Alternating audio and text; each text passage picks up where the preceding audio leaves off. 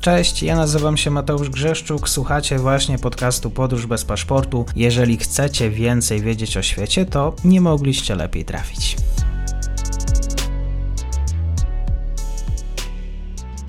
Dzień dobry wszystkim słuchaczom. Kacper Kita, portal Nowy Ład jest moim gościem. Dzień dobry. Dzień dobry. Francuzi biją się w pierś, a raczej bije się Emmanuel Macron w kontekście tego, że jednak wierzył w te rozwiązania dyplomatyczne?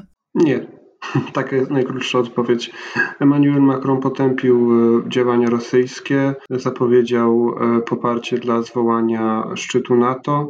Wiemy już, że równolegle sekretarz generalny Stoltenberg zapowiedział zwołanie sojuszu, wirtualnego szczytu sojuszu, natomiast e, no, nie mieliśmy do tej pory żadnych, żadnego bicia się w piersi. Powodów wyborczych raczej nie należy się go spodziewać. Mhm. Czy opinia francuska publiczna właściwie dyskutuje nad rolą Francji właściwie w tym całym konflikcie? Póki co wszyscy, wszyscy kandydaci istotni potępili działania rosyjskie.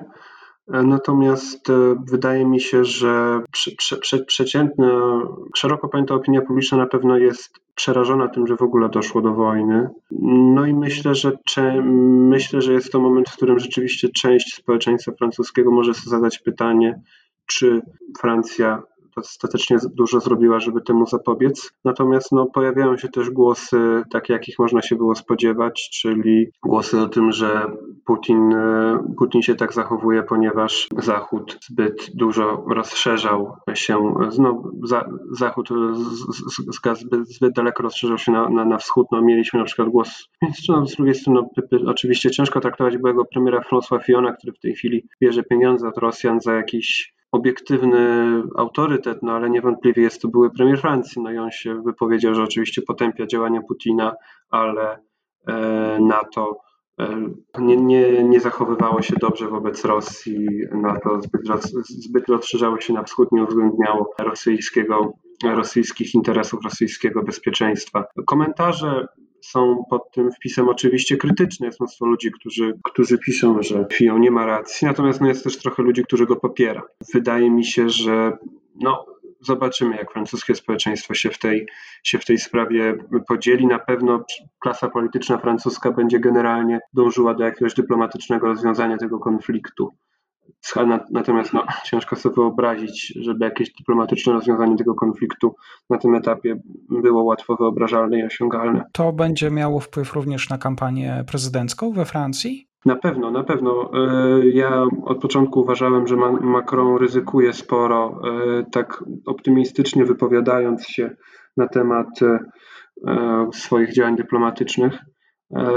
Ponieważ no, Macron naprawdę za daleko szedł w tych swoich deklaracjach o tym, że Putin obieca mu deeskalację, że Putin mu zagwarantował, że wojny nie będzie. E, nawet zaczęły się pojawiać we francuskich mediach reklamy takie, że Emmanuel Macron to Europa w pokoju i dzięki niemu, dzięki niemu nie ma wojny, dzięki jego działaniom dyplomatycznym, więc no, w tej sytuacji Putin jest to, Putin dokonał mocny cios wizerunkowy w Macrona i na pewno zaszkodzi mu to w kampanii, ponieważ jego konkurenci będą go za to mocno atakować.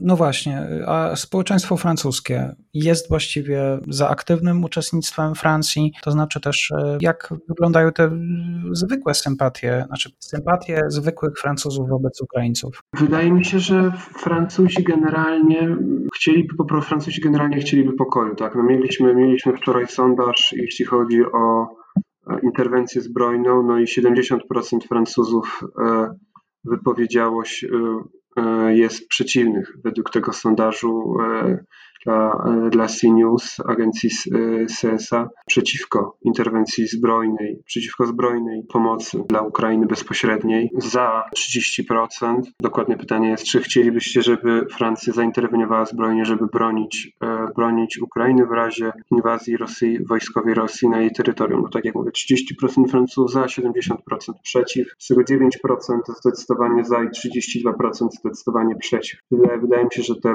że te prorosyjskie nastroje są, e, są dość mocne. Co, e, co ciekawe, tutaj warto zwrócić uwagę na różnicę wieku, ponieważ rzeczywiście, jak popatrzymy na rozbicie tego ze względu na wiek, to najmłodsi Francuzi są najbardziej e, za interwencją. Więc wydaje mi się, że tutaj no, to jest też trochę kwestia. No z jednej strony możemy powiedzieć, że, że młodzież jest bardziej idealistyczna, ale z drugiej strony, bo ponieważ jak popatrzymy, no to aż 23% e, najmłodszych Francuzów, 18-24, jest za jest zdecydowanie za e, pomocą zbrojną dla Ukrainy, a tylko 6% najstarszych. Więc e, wydaje mi się, powyżej 65 roku życia. Z jednej strony możemy powiedzieć, że młodzież jest, najbardziej idealistyczna, no ale z drugiej strony niewątpliwie też myślę, że to jest kwestia tych tradycji zimnowojennych dla tych starszych pokoleń Francuzów, także oni często mają taki obraz Rosji jako jeszcze imperium, z którym należy współpracować, żeby równoważyć pozycję francuską wobec USA, a młodzież jednak częściej widzi w Putinie po prostu agresora, dyktatora i tak dalej. Kasper Kita, portal Nowy Ład, Ukraina, Rosja z perspektywy francuskiej. Bardzo dziękuję. Bardzo dziękuję, do usłyszenia. I to już koniec na dzisiaj. Zapraszam na profil podcastu Podróż bez paszportu na Facebooku, Instagramie i Twitterze. Zachęcam też do wsparcia mojej pracy na serwisie Patronite oraz Buy Coffee. Do usłyszenia.